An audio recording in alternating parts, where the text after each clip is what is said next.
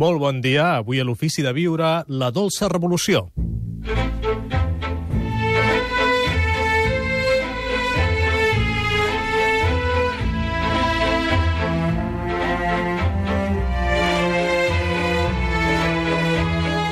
Gaspar Hernández, l'Ofici de Viure.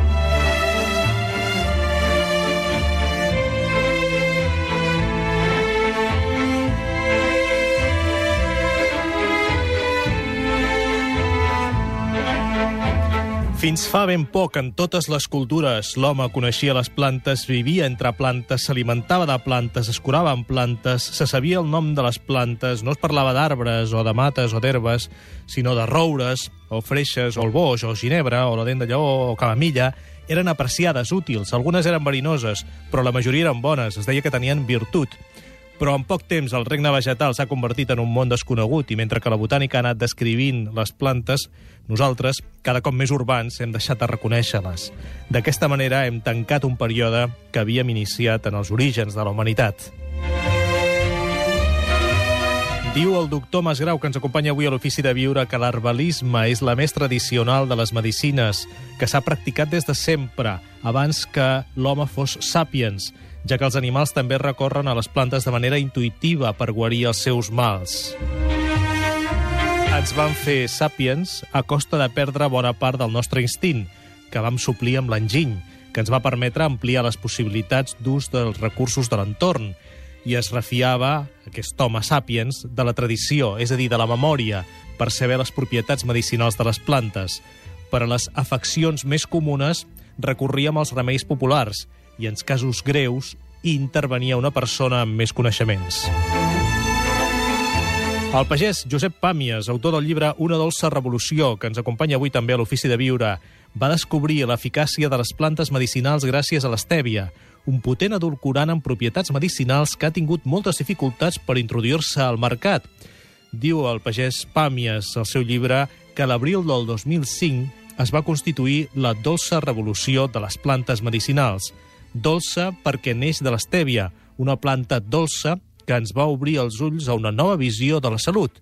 I és una revolució, diu ell, perquè som un col·lectiu que resisteix i lluita contra el sistema farmacèutic actual. Creiem, diu en Josep Pàmies, que és essencial que tothom es responsabilitzi de la seva salut i que promovem l'autocultiu de plantes medicinals. Avui en parlarem a l'Ofici de Viure la dolça revolució. Paracels. Contra cada patiment creix una planta.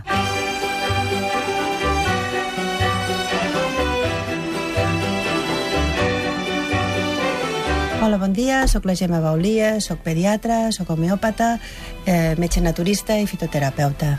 De fa uns 60 anys, 70, quan va entrar tota la indústria farmacèutica, les plantes que eren les nostres eines terapèutiques van quedar relegades Llavors, últimament, degut a la quantitat d'efectes adversos que tenen els, els medicaments i, més a més, en malalties cròniques, cada vegada més s'està estudiant plantes medicinals. Fa tres anys vam fer un estudi a Barcelona ciutat eh, per saber quin era el consum de plantes medicinals d'aquells pacients que venien a atendre's als ambulatoris de Barcelona ciutat pues un 60% dels nostres pacients utilitza plantes medicinals, però que quasi un 80% mai no ho comunica al seu metge. I això és una mica perillós, perquè moltes vegades estem receptant medicines pel mateix tractament que ells estan fent, no? Jo sóc molt partidària, bueno, entusiasta de les plantes medicinals, però crec que hi ha una cosa que la gent olvida, que natural no vol dir segur, vale? que hi ha moltes plantes medicinals preses no, no adequadament que poden fer-nos mal i que l'assessorament d'un professional sempre és necessari.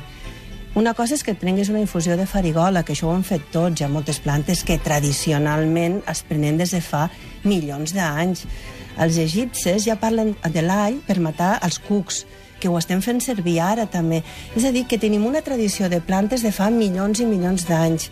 I a part d'això, ara cada vegada hi ha més estudis científics i més plantes amb evidència.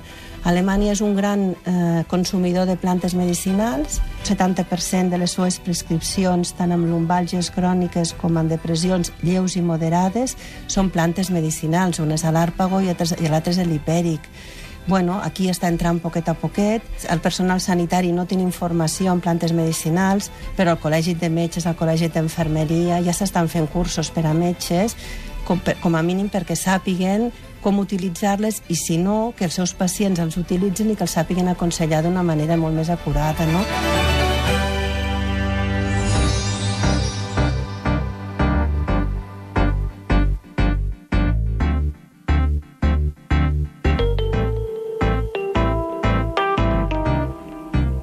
Avui a l'Ofici de Viure, la dolça revolució. En parlem amb el doctor Miquel Masgrau. Benvingut, doctor bon Masgrau, molt bon dia. Bon dia. I en parlem també amb Josep Pàmies. Molt bon dia. Hola, Josep, tal? Bon benvingut dia. a l'Ofici de Viure.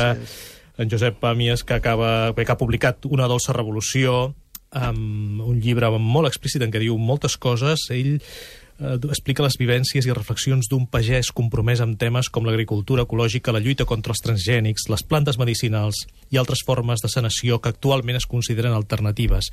I no es talla un pèl a l'hora de parlar d'aquesta revolució. En el seu blog té més de 5.000 visites diàries i esperem que en tingui alguna més després de l'ofici de viure d'avui. Ja ens ho explicarà. Aquesta dolça revolució va començar si ho pot explicar, si té l'amabilitat d'explicar-ho als nostres oients, quan el seu fill havia de buscar uns cucs per pescar en els seus terrenys i vostè es va donar que amb els químics que, amb, amb què ruixava les, les, les seves plantes havia matat els cucs. Més o menys va anar per aquí. Així és. I allí l'únic raconet on hi vam poder trobar és allà on no hi arribava la màquina de ruixar, no? I clar, dius, no, i això, això s'està acabant, no? I clar, tenia molts problemes, ja que eren les últimes coletades d'aquelles dècades de Revolució Verda. I els cucs eren molt importants, aquells cucs. Els cucs eren molt importants, els cucs de terra, el llambric, que nosaltres diem, pues, aquests, aquests cucs fan la funció de, de, de menjar la, la matèria orgànica verda que queda, els restos de, de les plantes, digerir-la i transformar-la en un humus perfecte i a la vegada airejar el terreny. Aquell terreny que ja necessitava pues, de grans eh, labors molt profundes per, per airejar quan aquests cuquets ho, ho fan d'una forma natural i sense gastar tant gasoil. I vostè va canviar de xip llavors.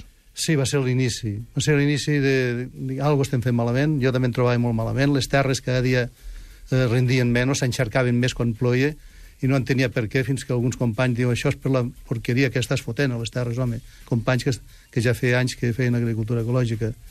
Però per mi era, era, era tindre por a fer els canvis perquè tenies por a, a desmedicalitzar la terra, no? com té por un humà a desmedicalitzar i moltes vegades s'ha de fer molt a poc a poc. Eh, clar, a nivell de normes d'agricultura ecològica t'exigeixen fer molt ràpid i clar, tenies por de que l'empresa pogués perillar i bueno, poquet a poquet vaig començar a canvi, sí, a partir d'aquest moment. Com podem resumir, aprofitant que tenim el doctor Masgrau aquí, ara l'escoltarem, eh, quina és la visió de la salut que neix d'aquesta dolça revolució? Bueno, és una visió de, de no malaltir-nos amb l'alimentació. Jo havia col·laborat durant molts anys eh, a vendre productes eh, que jo produïa amb molts tractaments químics. Si tu vols, pot ser conservant els plaços de seguretat, però tot i amb això, les analítiques de residus hi sortien, aquests productes, no? I clar, una i una altra i una altra, i, i les sinergies que poden generar entre ells, eh, a mi mateix ja provocava que no, no estava bé. Vòmits, marejos, mal de caps i companys eh, que, que havien abusat més d'aquesta història, doncs Parkinson i molts altres enfermedats greus ja havien desenvolupat no, a una, una edat molt, molt, molt primerenca. Va ser a partir del moment que vaig començar a fer canvis. Benvinguts siguin aquests canvis, eh? i de fet, i a partir d'aquí ha vingut la dolça revolució. Sí. Eh? I per què dolça?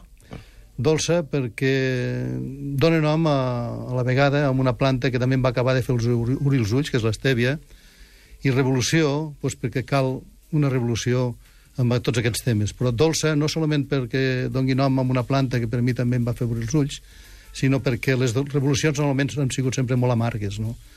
Quasi mai han arribat a, a aconseguir els objectius que es proposaven.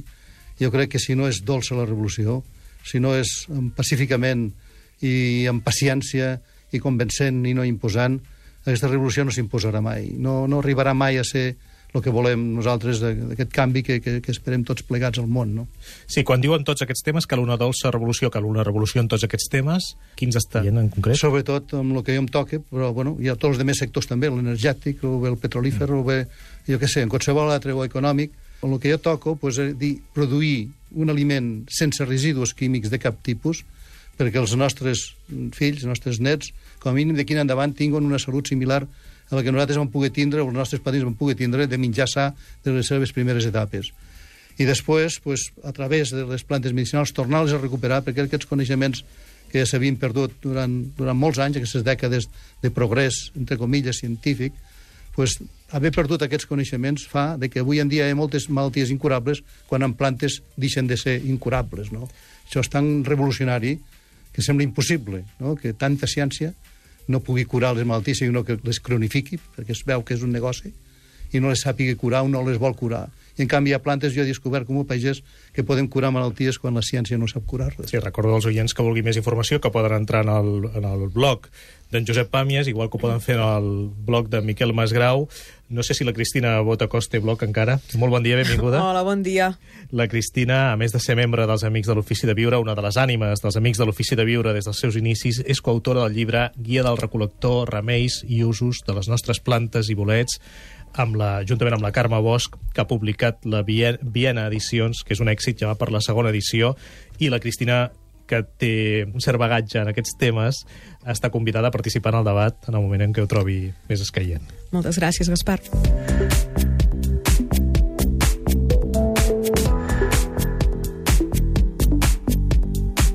Josep Pàmies. L'estèvia ha servit com a punta de llança d'una revolució pacífica però implacable contra l'ofensiva de la indústria farmacològica. Sona molt gran, això de la indústria de l'ofensiva farmacològica. El metge Masgrau ho veu així? És una ofensiva? Sí, sí, sí, no, és molt interessant. A més, l'única manera de fer ofensiva és, és realment això, fent una xarxa paral·lela, diguem.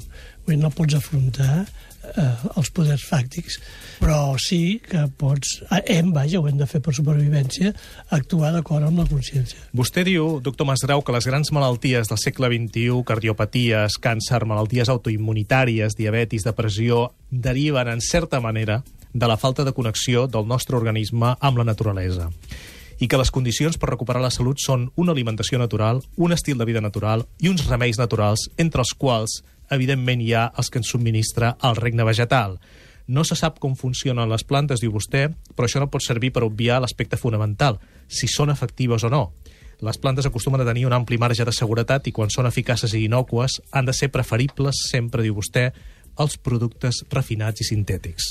Així és. I la gran, la gran aportació de, de Josep Pàmies és precisament aquesta planta, que és l'estèvia, que sembla que és una planta, jo la conec des de fa, per, gràcies a ell, indirectament, perquè ens hem conegut avui fa, fa uns minuts, feines de sí. minuts.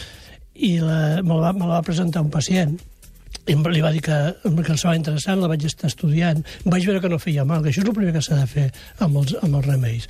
És tòxic o no és tòxic? Si no és tòxic, és una altra cosa. Ja no el pots considerar com un fàrmac, diguem, no? I llavors ja el pots aconsellar, veus que realment funciona. Tinc tres plantes a casa, també me'n menjo una mica tant, tant com passa pel costat, i realment és una cosa que funciona.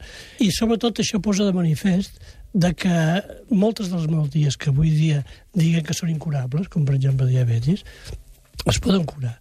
Es poden curar amb l'estèvia, l'estèvia és un bon element. Abans es feien servir altres plantes també, per, com el hipoglucemiants, no? l'ortiga, no sé, hi havia diverses, i altres mètodes, i altres, altres tècniques, sobretot l'alimentació. I la prova d'això és que els països del tercer món ara, cada vegada que van agafant el ritme de vida occidental, van tenint que va més diabetis. La pregunta del milió és que no depèn escandalosament de l'alimentació. La, la diabetis molt directament, va, i especialment però... el sobrepès. Va, Hi ha una relació directa.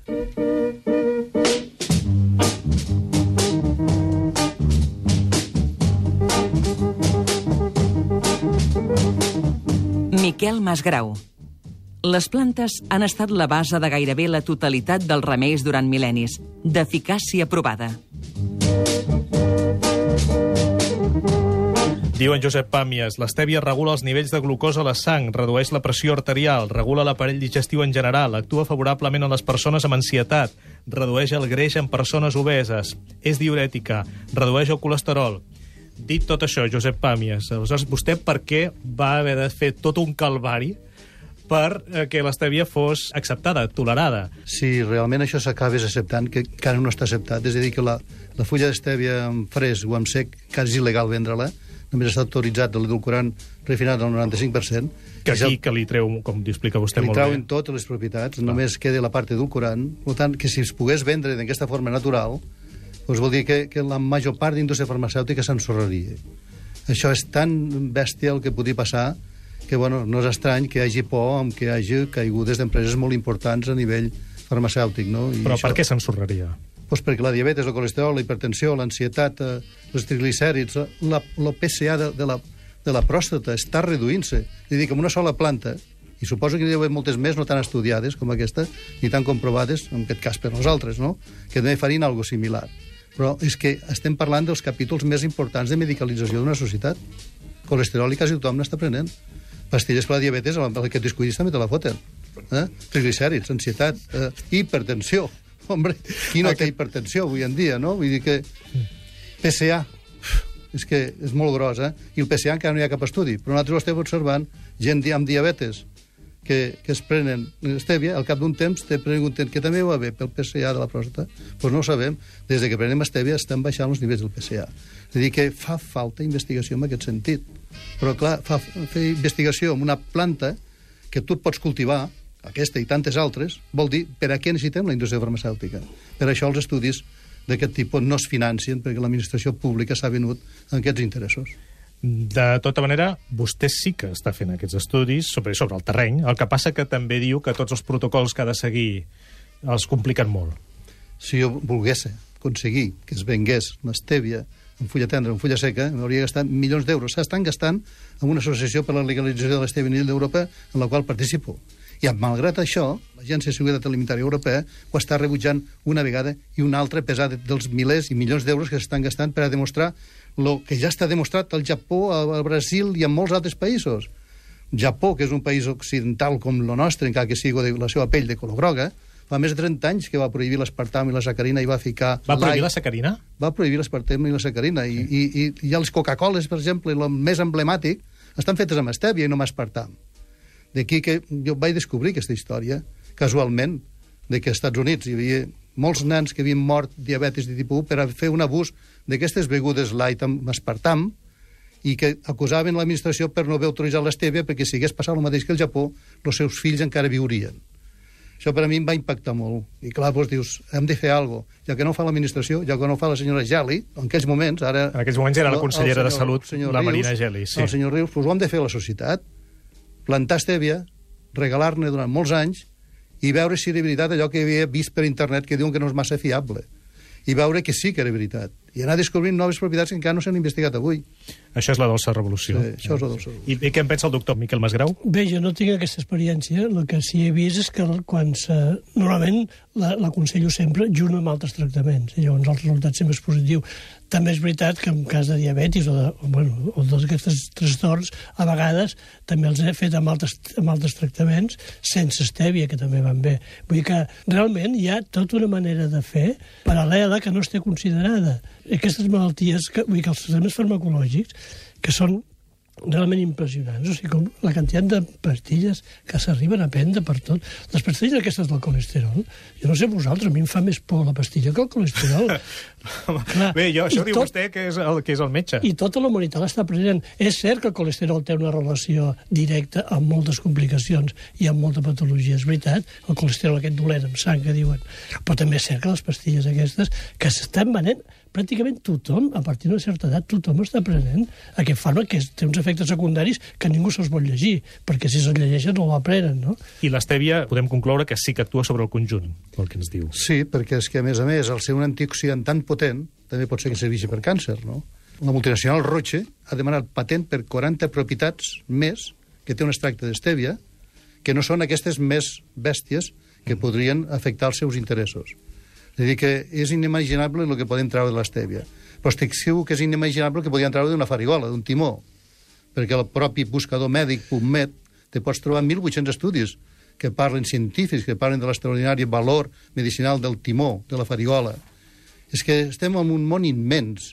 Estem parlant de l'estèvia doncs perquè al ser una planta criminalitzada ens serveix per demostrar quins interessos hi ha al darrere que fan que una planta sigui prohibida, per exemple aquesta, i el tabaco que mata que sigui legal. No és per cap més entre interès, perquè l'estèvia pot ser tan, tan potent com, com, ai, com, com una altra planta. No, no, però eh, amb l'estèvia ens ha fet servir per, per poder fer entendre a la gent de que hi ha molta manipulació, molta corrupció i molta especulació al darrere. Vostè ha intentat que la Conselleria de Salut, en l'època de la consellera Marina Geli, obrís una mica la mirada cap a l'Estèvia i amb què es va trobar? Vaig trobar que em porten l'agència de, de, de catalana de la salut i ens diuen no portem gorra però som la policia sanitària. I com continua fent el que està fent, se l'està jugant. Bé, podia pensar que em cridàveu doncs, perquè al fer la carta de la consellera Jali eh, podríem parlar d'aquest tema, d'investigar això en sèrio. Nosaltres no tenim calés per investigar. Si vol, demani-ho amb, en fi, amb algunes donacions, amb una fundació i faci-ho, però mentre no tingui vostè la, la, la, investigació feta, no s'arrisqui perquè només necessitem una denúncia d'un pacient que el farem malbé. Clar, I anava acompanyat precisament d'una persona que havia pogut deixar tota la medicació d'aquí a Barcelona. Eh? Diu, no, no, no, serveix, no cal que me parleu perquè segurament que funciona, però com que la llei diu que això no es pot vendre, no es pot vendre, vostè no pot vendre. I, a més, no la pot etiquetar, perquè cap planta medicinal s'hi pot etiquetar les propietats. Aquell dia vaig sortir més convençut de que l'havien de seguir venent i l'havien de seguir etiquetant amb les seves propietats. I la senyora Jali se va tindre passar l'orgull i els expedients allí van quedar arraconats i no els van executar mai. I ara, per sorpresa nostra, d'aquesta petita desobediència de fa molts anys, l'altre dia al Carrefour, la màxima exponent exponent d'aquesta alimentació basura que, que del que parlàvem abans... Però per aquesta afirmació pot rebre tranquil·lament una querella de Carrefour. És igual, més importa, m'importa un pito. Ara estic fart. Com no donem la cara, estem perduts. Venent estèvia amb fulla seca a les seves estanteries. Xapó, sí senyor, Carrefour. Ja és hora que també hasta el propi sistema econòmic faci desobediència. I ells no serà pas que no tinguin assessors que no es diguin que no es pot vendre aquella, aquella planta però com que està de moda, allí la tenen. I al davant dels sucres, davant de l'aparador de, la, de la gourmanteria. Vull dir que anem aconseguint coses, eh?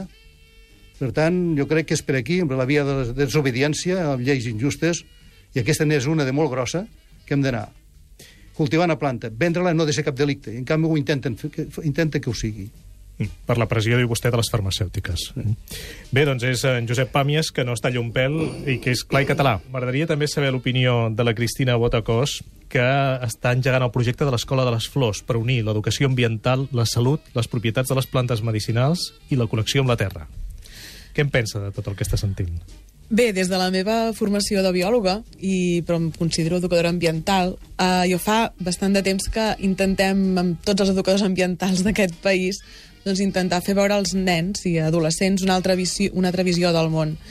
I una de les, de les visions és, és ser suficientment crítics amb la nostra societat per poder doncs, eh, fer tot aquest canvi de xip, canvi de, de mentalitat de cap a una societat més sostenible, sobretot, més, més pensant en, el, en, en la nostra salut, que sigui una salut bueno, saludable, no? que tinguem en compte les plantes medicinals, que tinguem en compte les, en compte les teràpies alternatives, i, i de fa molts anys estem, estem treballant, sobretot amb els nens, perquè els nens són com esponges, i tot això doncs, ho van captant, i quan ho capten, quan ho estimen, veus que, que realment canvien una miqueta la, la seva mentalitat. Veus que, que van influenciant una mica més en els seus pares, en els seus avis i en el seu entorn més proper doncs, per, per, tenir, per fer aquest, fer aquest canvi. Jo estic una mica esperançada, eh? Estic esperançada sí. amb, els, amb els nens, amb sobretot. Els nens. I que vagin estimant també les plantes. Sí, és que um, el respecte comença per estimar per conèixer i estimar.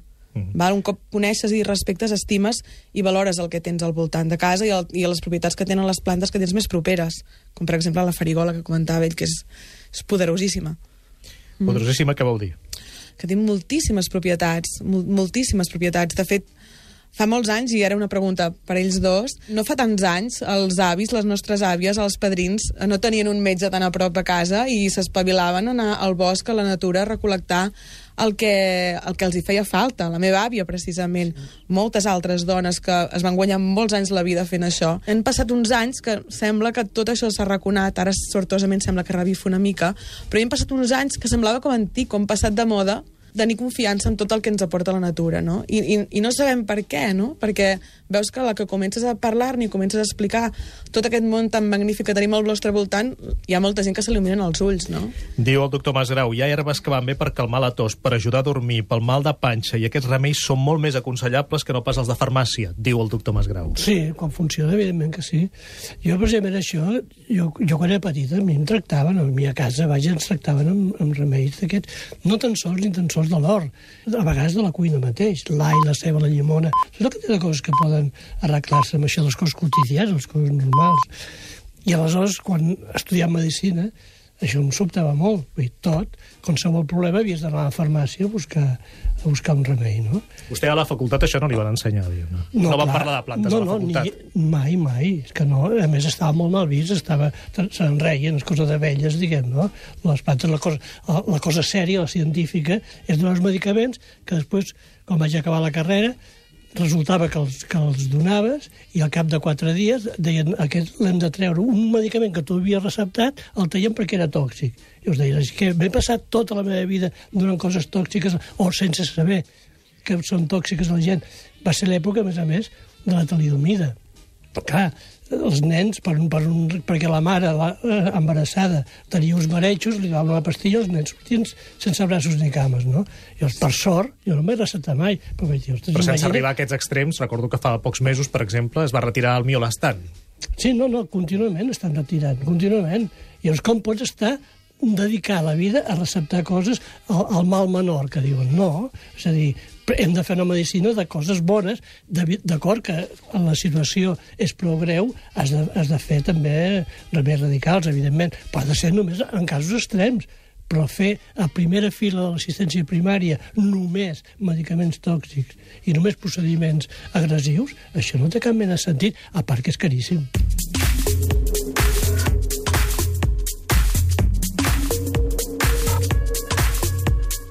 Mariano Bueno.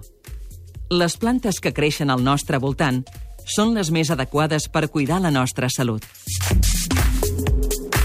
En Josep Pàmies, al seu llibre, també trenca una llança a favor de les males herbes. Diu, s'anomenen d'aquesta manera tan despectiva aquelles plantes que creixen per tot arreu, però que són plantes tan bones com les varietats que acostumem a menjar, oi? Sí. La dent de lleó, la malva, el trèvol, no tenen res a envejar, diu vostè, els tomàquets o enciams. Són iguals de nutritius i també tenen propietats medicinals. O més. O més. La, la verdolaga és una herba d'estiu extraordinària. I la vaig conèixer certes propietats. El primer cereal que van tindre fa molts anys, que dic que a Guadix, a Granada, se la prenien les dones quan havien de fer més llet quan tenien un crió. Això només ho vam utilitzar per poder donar a les berres que tenien per criar porquets. Una mala comparació. Però és que actualment hi ha, hi ha estudis que demostren que té molta catalassa i molt coure i que, eh, presa conjuntament amb la quimio, millora la funció de la quimio. Una verdolaga, una trista verdolaga, no? I que és molt rica en omega-3, de les millors plantes que hi ha amb omega-3. Lo dent de lleó, és extraordinari, la xicoia, que diuen a les muntanyes, no? que, que la, a la primavera, quan surt de davall de, de, dels terrossos i gelats, el dent de lleó fa poc que dos estudis científics, un anglès i un americà, que pot ser la solució de l'arrel de dent de lleó al 100% de la leucèmia. A part de ser un bon aliment, pot ser un gran medicament. Però Hi ha tardarem- estudis d'això? Estudis, sí, dos estudis. Un, de, un anglès i un, i un americà. Ens ho podeu aportar quan vulgueu. Què més? L'ortiga. La cosa especial, el cuerpo de, de operacions especials, la COE, quan els foten un mes al, al bosc sense cap menjar, els diuen penseu en l'ortiga, que és la millor planta alimentària i medicinal. Evidentment que és un aliment i és un medicament molt potent. Però no només ho han de saber els militars perquè estan preparats per matar-nos, sinó també nosaltres per sobreviure, no? En fi, és tan il·limitat, tan il·limitat, tot, tot el que xafem cada dia i matem amb herbicides, que hem de, hem de donar vergonya de fer el que estem fent avui en dia, de només ruixar i matar la vida, no? Quan realment molta gent pobra avui en dia podria menjar una bona amanida gratis si no hi hagués tants herbicides. Recordo que en Josep Pàmies ha publicat el llibre Una dolça revolució i que el web és dolcerevolució.cat. A més, el seu blog té més de 5.000 visites diàries. Vull dir que vostè solet ja està fent aquesta revolució, eh? Bueno, som centenars de persones, ja que estem constituint la Dolça Revolució, més de 1.000 associats, més de 80 grups a tot Espanya, uns quants que s'estan creant a Mèxic, a Guatemala, a Argentina, però sempre de forma independent. No volem estructura, volem que la idea es pugui fer gran, però sense estructura. Res d'estructures verticals, horizontalitat total. Nosaltres compartim tot el que faci falta, plantes inicials, coneixements, però que la gent s'espavili, a nivell particular, a nivell d'associació, a nivell de país, a nivell del que vulguin, però que, per favor, la, la, la informació circuli. Els coneixements que nosaltres tenim molts han aportat, molts han regalat, no els podem vendre. Tant, els hem de compartir. I aquest és el futur que jo veig a la humanitat. Ni competir, ni, ni, ni altres històries. Hem de cooperar, hem de compartir.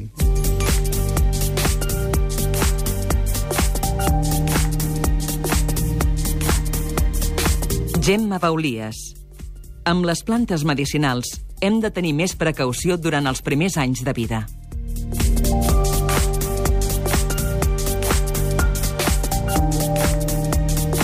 Parlem una mica d'alguna planta més, de l'ortiga, per exemple. La Cristina ens recomana una truita, una truita d'ortiga. Sí, sí, sí, fa molts anys que la faig. Tothom es queda una mica sorprès. No sé si n'heu menjat alguna vegada, però és agafar les ortigues amb una mica de cura perquè no et pessiguin. I llavors les pots escaldar i fer com una truita d'espinacs o de qualsevol verdura. És molt boni és boníssima. És un... Tens ortigues, mm, quan no estan ruixats als camps i als horts, doncs hi ha ortigues que creixen molt bé i les pots agafar sense cap problema. I un cop ja t'has menjat la truita, vas i directament vas a fer la consulta i declares la independència ja directament, no? Exactament. Amb un raconet al jardí, sembres ortigues, n'hi tindràs tota la vida perquè Sí. torni a brotar una i dos Sí. i deu, vint anys. I tu, tu vas tallant a bocinats aquella ortiga i cada vegada la tindràs tendra. És il·limitat. Bueno, jo n'he menjat de truita d'ortiga, és molt bona, l'aconsello. Sí, sí, a més, cada any, per la primavera, acostumo a fer-ho. Fent de metge de poble, una vegada, em, vaig, em van cridar una matinada per un, en una masia molt apartada que s'havia ferit, el pare s'havia ferit i vaig anar i estava ferit en aquella època no, els vaig dir, bueno, voleu, voleu anar a l'hospital? Van dir no, en aquella època no, ningú volia anar a l'hospital i es van quedar allà al cap d'unes hores em van tornar a venir a buscar i em van dir, ha repetit. I llavors, clar, quan ha repetit, malament rai. Dius, ja, una feridura que repeteix. I, i vaig tornar allà, quan vaig ca- acabar de les visites, i me'l vaig trobar perfectament bé, però pràcticament recuperat. I per què ha passat aquí? Llavors el fill em va dir, no, és que me'n vaig a recordar que el pare sempre em deia, si algun dia em fareixo, agafa ortiga i me la passes pel, pel costat ferit. I ho va fer, serà casualitat o no, però es va posar bé. La qüestió és que al cap de 15 o 20 anys vaig passar passar una altra vegada i vaig pensar, vaig pensar vés a veure en, en Rosendo, a veure què fa. I el Rosendo estava ferit una altra vegada amb una, amb una cadira i li vaig dir fill, però com és que no li has fet l'ortiga? I, vaig, i no hi vaig pensar. No hi vaig això, és, pensar. això és el que deia. O sigui, he estat tan desprestigiada que la mateixa persona que ho ha viscut, que ha viscut que li va funcionar, Sí. ni tan sols ho ha provat, que potser tampoc Sí. li hagués anat bé, perquè aquestes coses mai Sí. se saben, no? És una campanya tan forta en contra. Tan... Jo crec que la medicina d'herbes és la ventafocs de la medicina. Realment és la, la menys valorada de totes i, de fet, amb un estil de vida sa, és la millor de totes. Sí, suposo que indirectament en Josep Pàmies moltes vegades eh, es troba fent de prescriptor, eh, com si diguéssim, de determinades plantes. Total, però és que, clar, aquesta no és la meva feina. Però, bueno, si ve una persona desesperada, jo què sé, amb un atac eh, còlic nefrític, sé que hi ha una planta que amb dos infusions s'hi haurà de calmar el dolor, en pocs dies se li desfarà la pedra. Si ve persones amb càncer, doncs sé que hi ha plantes potentíssimes que, combinades o no, amb químios i ràdios, eh, arriben a fer uns canvis enormes molts pacients. Clar, doncs, a poc a poc aquesta experiència t'està donant idees de com contestar, sobretot en gent molt desesperada. Diu combinades o no, amb quimio.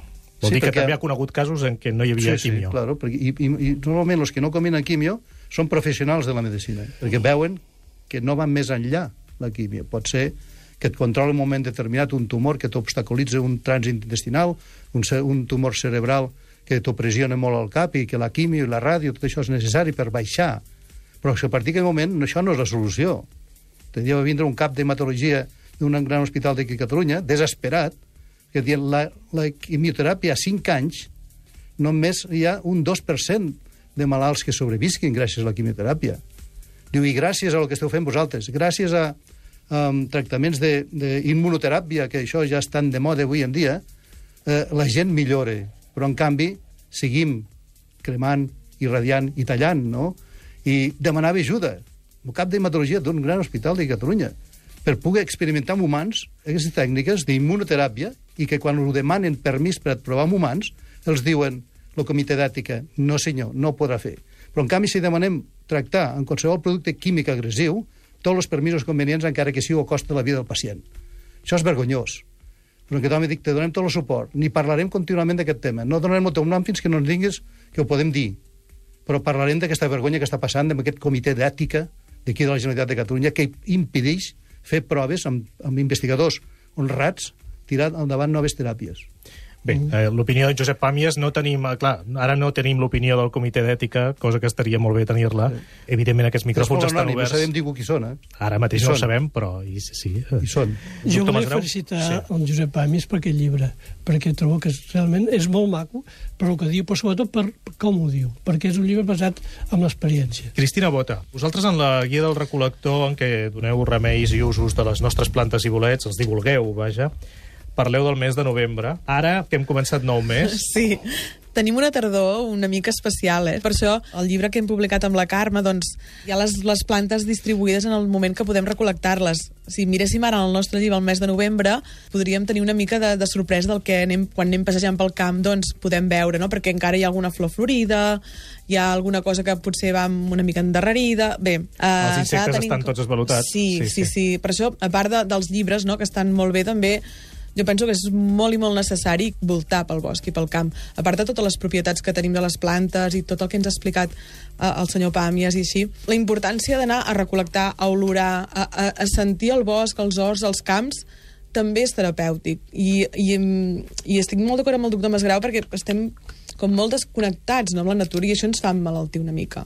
Jo dic per, per pròpia experiència, eh? Vull dir, l'experiència també és, un- és un grau i, i moltes vegades quan estic ansiosa o quan no puc dormir massa i així, si llavors l'endemà al matí me'n vaig a donar un vol pel bosc, el cap se me despeja una miqueta i, i estic molt millor. Vull dir, només el contacte amb la natura ja és molt important. Però també es deu autorreceptar alguna planta, no? Quan no pot dormir, per exemple. Home, sí, evidentment, no? Evidentment. Una mica de, de barreja de tila hipèric i així, una mica de rosella, a mi em va molt bé. El gran defecte que tenim és que el nostre sistema de coneixement de les plantes està muntat a imatge i semblança de la nostra medicina agressiva. No? I llavors s'acostuma a definir, fins i tot el dioscori, aquestes mm. contramalalties.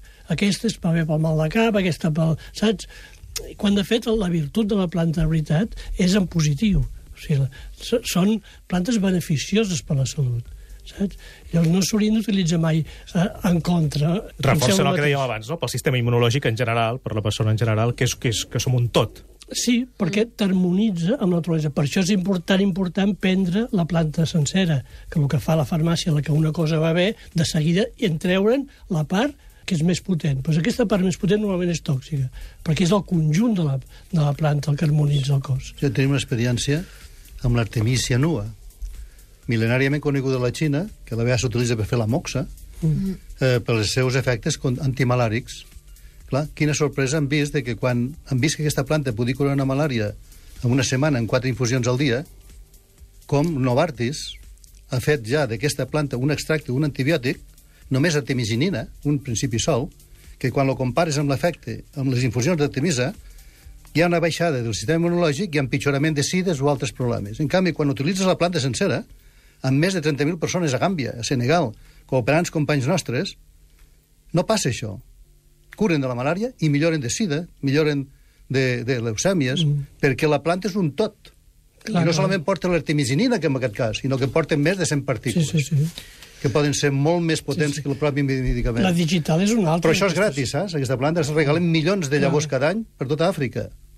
D'una varietat, a més a més, adaptada aquí al Besòs, molt semblant a la d'origen xinès, que fa que no calgui comprar llavors cada any perquè les que venen de Xina eren híbrides, i aquestes són autòctones, s'adapten perfectament a Àfrica i permeten curar la malària en una setmana.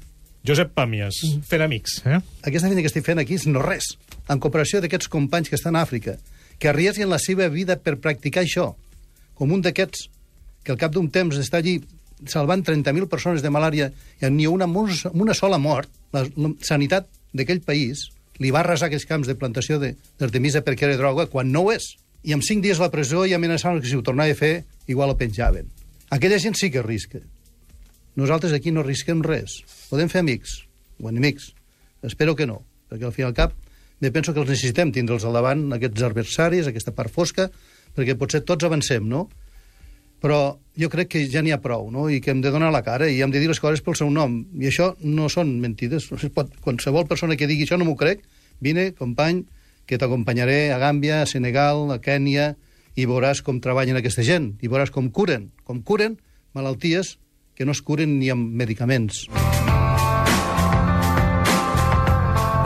Bé, hem d'acabar. Podríem estar moltes hores parlant amb en Josep Pàmies i el doctor Masgrau i podríem fer molts programes. Què és el que esteu preparant els amics de l'Ofici de Viure, Cristina? Moltíssimes coses per aquest mes de novembre.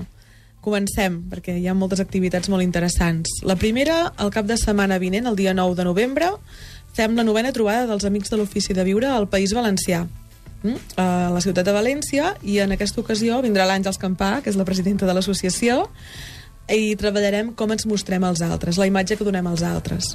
El mateix dia, a Vall, a Vall d'Oreig, es fa el 18è sopar G astronòmic, que el nostre amic eh, Eduard Garcia doncs, ens explicarà les coses que es poden veure al cel, la Lluna, Júpiter, i compta amb la col·laboració de l'Associació Astronòmica de Sant Cugat. Després, la següent setmana, el dia 12 de novembre, tenim la setzena trobada del Club de Lectura dels Amics de l'Ofici de Viure, que organitza l'Anen Juanes, i es fa a la llibreria Excellence, i en aquesta ocasió es parlarà del llibre El poder del Tau, de l'Umarinov. Mm? I després, el 14 de novembre, hi ha la 25a trobada de meditació dels Amics de l'Ofici de Viure, que organitza la Sílvia Escoda, i que es fa a l'Escola Arquiris, que la portarà el Xavier Pedro Gallego, que és el president de l'Associació Espai de la Nova Terra.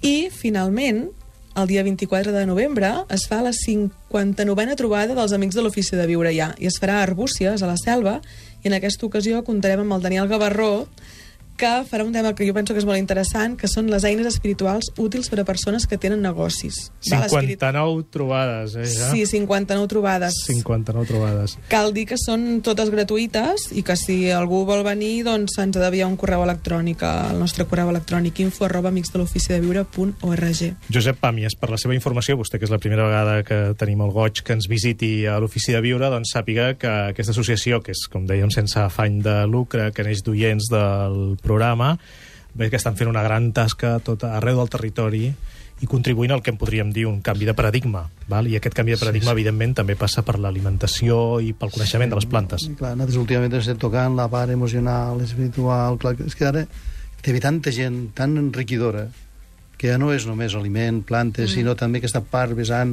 emocional, espiritual, vida després de la mort, o no, gent amb coma, que, que han vist l'altre costat i han vingut i s'han sapigut sanar. Uf, és que dius, entre tot, realment tindríem una sanitat perfecta si això entrés als hospitals. No?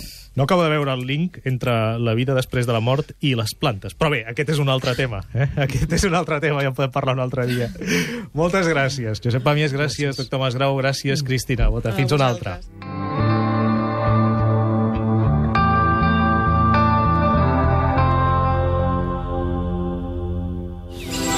Soc Àlex Rovira i aquests són els principis de l'ofici de viure. Humilitat, prosperitat, consciència i amor. Un programa fet amb rigor. Des de l'amor. I pel benefici de tots els éssers. Feu podcasting allà on aneu amb l'ofici de viure. Al web catradio.cat teniu tots els ofici de viure mesos a la vostra disposició per escoltar sempre que vulgueu. L'ofici de viure amb Gaspar Hernández. Un programa sobre conducta humana. L'ofici de viure. Més de 6 milions de descàrregues la temporada passada. L'ofici de viure, la sort és que és un programa que s'escolta des de qualsevol punt del món i que és intemporal. Espero escoltar-vos de llocs molt remots moltes vegades amb molts podcasts. Eh? Penso que aquest programa és un programa que és una bona notícia. I la gent és prou intel·ligent com per escoltar-lo i com perquè sigui el programa líder, per exemple, de descàrregues. Per què? Perquè quan tu dones bon material a la gent, la gent sap el que vol el que passa que has de posar a l'abast de la gent material que val la pena. L'ofici de viure. Donar amor i, si potser, rebre.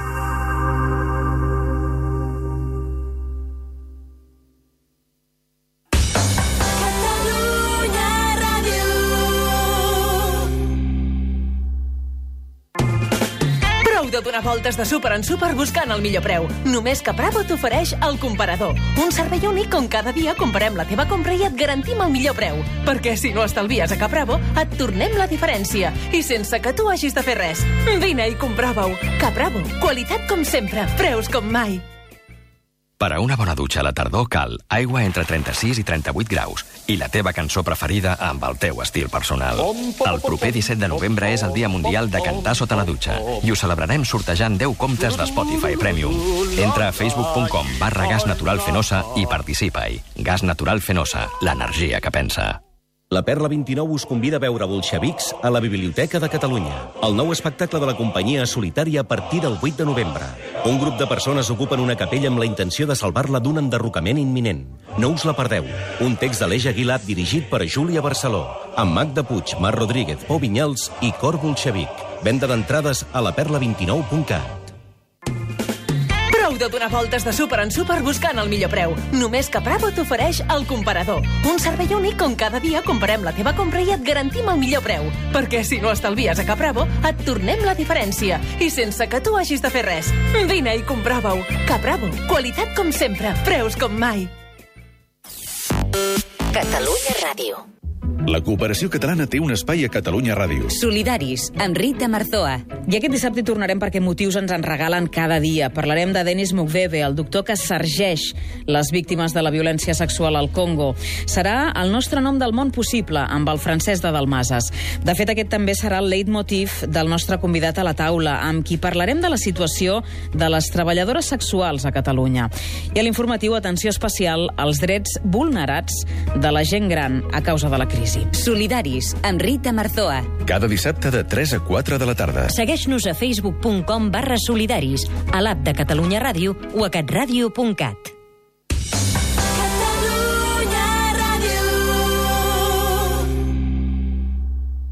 L'ofici de viure. Un programa sobre conducta humana. Com tenir feina a l'ofici de viure amb en Raimon Samsó. Avui, què necessites per crear una marca personal? Raimon, molt bon dia. Bon dia. Què necessitem? Bé, doncs jo donaré set pautes o set eh, consells, no? però dir abans que el món s'està convertint en un reservori, en un magatzem de talent, on cada vegada la gent fa més els deures. Ara mateix hi ha moltíssima gent que s'està preparant molt bé i hem de competir amb totes aquestes persones, que són molt, molt, molt professionals. No? Per tant, nosaltres haurem de fer tot això. I d'aquí aquestes set pautes que ara volia comentar. No? La primera seria de que hem d'estar preparats per reinventar-nos. És a dir, eh, si no estàs renaixent contínuament, penso que estàs eh, morint d'alguna forma, professionalment. Eh? Per tant, ens hem d'anar reinventant contínuament. La segona seria que hem de reaprendre, és a dir, no podem dir que ja sabem tot del nostre camp o de la nostra matèria o mercat, sinó que cada dia surten coses noves al nostre mercat i les hem d'aprendre. Per tant, hem de reaprendre contínuament. La tercera és, eh, jo crec que el futur, futur professional i laboral és dels especialistes. Ens hem d'anar especialitzant cada vegada en feines més, més, més, més concretes eh, i en, en el que es diuen en, en doncs, mercats més especialitzats i eh, una vegada que ens hem eh, especialitzat ens haurem de diferenciar, és a dir, dintre d'aquella especialització ens hem de diferenciar de gent que està fent exactament la mateixa especialitat que nosaltres. Aquest exemple l'explica moltes vegades l'economista Xavier Salamartín, que dius, clar, si tu una, tens una botiga i a davant al carrer eh, vols obrir una altra botiga, o la competència obre una altra botiga, per força us heu de diferenciar, perquè Clar. si no us fareu molt de mal, no? Clar. I això crec que és un exemple molt gràfic. Exacte. Eh, la, la pregunta que hem de respondre és per què jo? Per què em compraran a mi i no amb ell, no? I, I ho haig de tindre molt clar, això. I després en Raimon també diu que hauríem de ser visibles, en la línia del que ja ens ha comentat altres vegades, no? Sí, perquè eh, no és suficient amb ser molt bo o fer-ho molt bé o estar molt preparat has de ser visible. Si la gent no s'entera que existeixes, si la gent no s'entera que tu estàs en el món oferint allò, no et servirà de res fer-ho molt bé, no? Per tant, hem de ser visibles. I això vol dir que hem de tindre presència, eh, òbviament física, però també virtual, digital. Hem d'estar visibles. Ha de ser fàcil de trobar-nos. Hem de fer soroll, per dir-ho d'alguna manera. I la credibilitat, com la construïm? Sí, la credibilitat bàsicament eh, es construeix amb el temps, amb molt de temps, eh, i no fallant-li a la gent. És a dir, l'única forma que podem fer és no fallar mai, mai, mai a ningú. Eh? Per tant, hem d'atendre molt bé a les persones i no fallar-los mai. I, I amb sort i temps anirem construint una credibilitat que, per cert, ens la donen ells. Eh? Nosaltres la construïm, però qui, qui, qui creu en nosaltres són ells. No?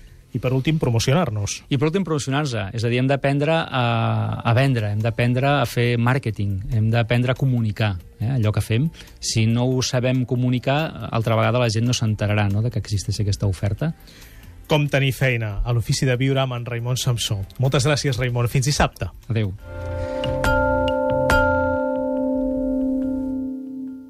L'ofici de viure. Hola, bon dia. Segueixo assíduament el vostre programa, no me'l perdo gairebé mai. I el, atenció, Gaspar, el, el que estem... Molt bé, molt bon dia, Jordi Bon dia, el que diu la Sara de Puigcerdà. Eh? I molt bon dia, la Sara. assíduament, tal. I el primer, us volia felicitar perquè penso que feu un gran servei. Felicitats. Diu, segon, aquest mail és per la secció del Jordi Llavina, que la seva secció, amb perdó del Gaspar, em sembla la més genial del programa, tot i que la resta del programa també està superbé. Moltes gràcies, T'ho repeteixo, la seva secció, amb perdó del Gaspar, em sembla la més... La més genial. Genial del programa. doncs, moltes gràcies, Sara. Molt bé. bé. I enhorabona, Jordi. Gràcies. Encara em diu alguna cosa més, eh? Ah, alguna doncs, floreta a veure, més vinga, cap al final. Bé, vaig al gra, d'acord, tinc 18 anys, 18 anys, eh? Per tant, sóc super jove, però tot i això ja he tingut tres relacions serioses a la meva vida i dues amb homes de més de 30 anys. Ara no estic amb ningú, tot i que hi ha un noi de 24 anys, molt amic del meu germà, que està molt per mi, que l'altre dia em va fer una declaració bastant directa. Jo estic bastant cansada que els tios es fixin en, en mi perquè estic bona. Ho sento, però és així. I que em mirin i que em diguin que els hi encantaria sortir amb mi. Però jo ja no vull tonteries d'aquestes.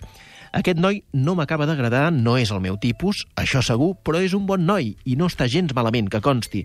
Però vull dir que té molts avantatges i crec que va de cara i de bon rotllo.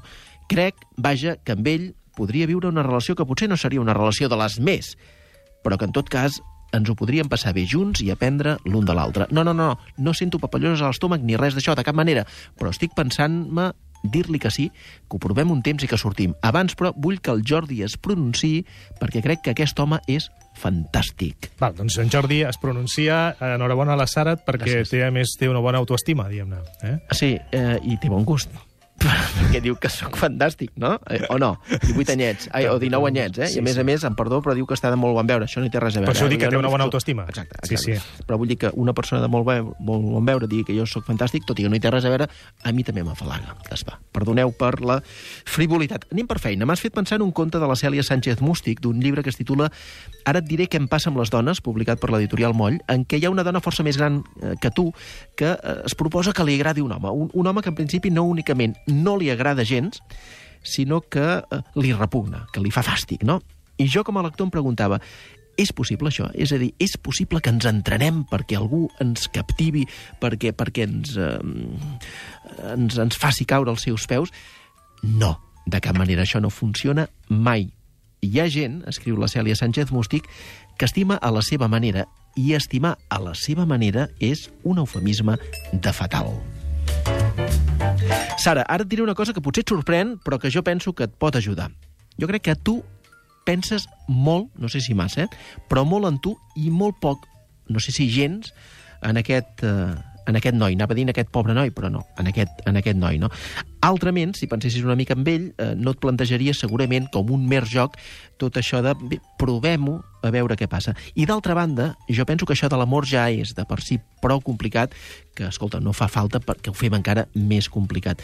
No pot ser-hi amiga i prou, et pregunto, d'aquest amic, eh, gran amic del teu germà, amiga i prou. De vegades, quan hi ha aquesta intimitat, les coses es compliquen i molt més quan un comença sense cap interès. Què diu la psicoanalista Yolanda Sossin? Doncs que la Sara potser està en un moment de cerca personal, diu, en què eh, la mirada està centrada en ella mateixa i en què la raó, en ocasions, es posa al servei eh, més de la banda de la justificació que no pas de la veritat. I és habitual que en el terreny amorós i en el procés justament d'aquesta cerca hi hagi alguns danys col·laterals per algú que passava per allà en aquell moment i en el lloc també menys oportú. Jordi Llavina, uh, genial, Jordi Llavina, moltes gràcies. Genial i fantàstic. Genial i fantàstic. Espan, no m'escatimis adjectius. Genial i fantàstic. Gràcies, Sara de Puigcerdà. moltes gràcies, una forta abraçada. I see trees of green, red roses too. I see them blue for me and you. And I think to myself, what a wonderful world.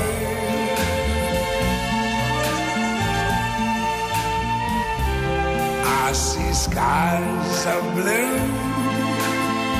and clouds of white, the bright blessed day, the dark sacred night. And I think to myself, what a wonderful world.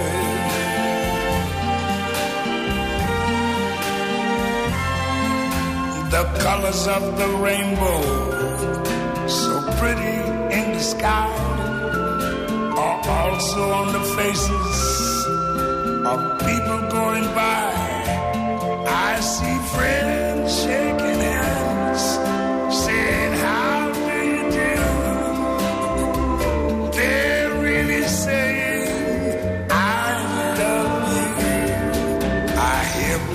babies cry. I watch them grow. They're like much more.